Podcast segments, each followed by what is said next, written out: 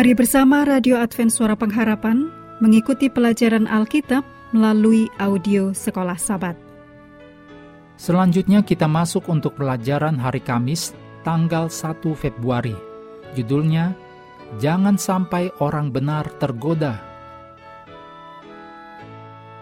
Mari kita mulai dengan doa singkat yang didasarkan dari 2 Tawarikh 20 ayat 21.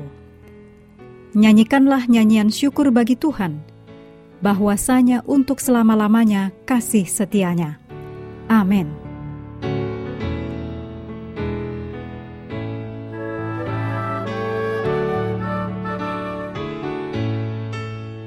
Dalam Mazmur 37 ayat 1 dan 8, Mazmur 49 ayat 6 sampai 8, Mazmur 94 ayat 3 sampai 7, Mazmur 125 ayat 3, ada perjuangan yang dihadapi pemazmur. Mazmur-mazmur ini menyesali kemakmuran orang fasik saat ini dan tantangan yang disebabkan oleh kenyataan ini kepada orang benar.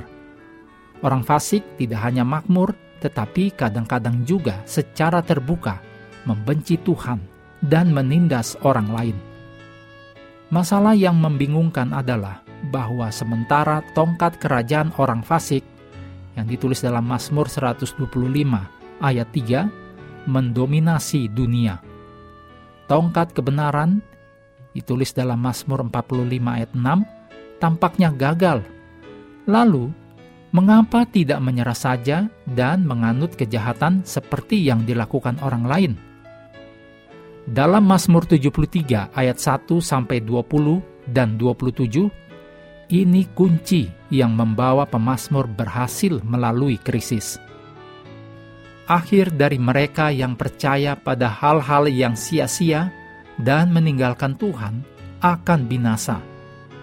1 Petrus 1 ayat 17 menggarisbawahi dia yaitu Allah yang tanpa memandang muka menghakimi semua orang menurut perbuatannya. Maka hendaklah kamu hidup dalam ketakutan selama kamu menumpang di dunia ini. Saat pemazmur dalam Mazmur 73 tetap fokus pada kejahatan yang terjadi di dunia, ia tidak dapat melihat gambaran besar dari sudut pandang Tuhan. Masalah kemakmuran karena kejahatan sangat mempengaruhi iman pemazmur. Ia juga percaya bahwa argumennya tentang tidak bergunanya iman didasarkan pada kenyataan. Namun, Mazmur 73 menunjukkan bahwa semua ini mengejek mereka yang mengabaikan ayat pertama dari Mazmur ini, yang merupakan rangkuman dari seluruh Mazmur. Sesungguhnya Allah itu baik bagi mereka yang tulus hatinya. Demikian kutipan dari tulisan Johannes Bugenhagen, komentar reformasi tentang Alkitab, halaman 11. Pemasmur dibawa ke bait suci, tempat pemerintahan Tuhan yang berdaulat, dan diingatkan bahwa hari ini hanyalah satu bagian dari mosaik, dan ia harus melihat bagian akhir – ketika orang fasik akan menghadapi penghakiman Allah.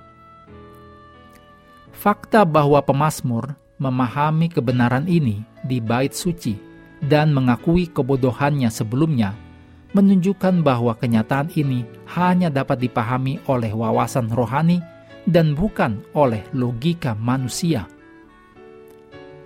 Renungkan bagaimana janji penghakiman Allah atas dunia dan atas semua kejahatannya dapat menghiburkan kita ketika begitu banyak kejahatan sekarang tidak dihukum.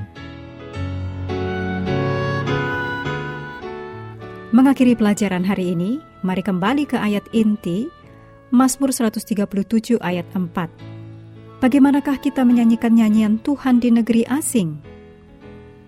Kami terus mendorong Anda bersekutu dengan Tuhan setiap hari bersama dengan seluruh anggota keluarga, baik melalui renungan harian, pelajaran sekolah sahabat, dan bacaan Alkitab sedunia, percayalah kepada nabi-nabinya, yang untuk hari ini melanjutkan dari Yeremia pasal 4. Tuhan memberkati kita semua.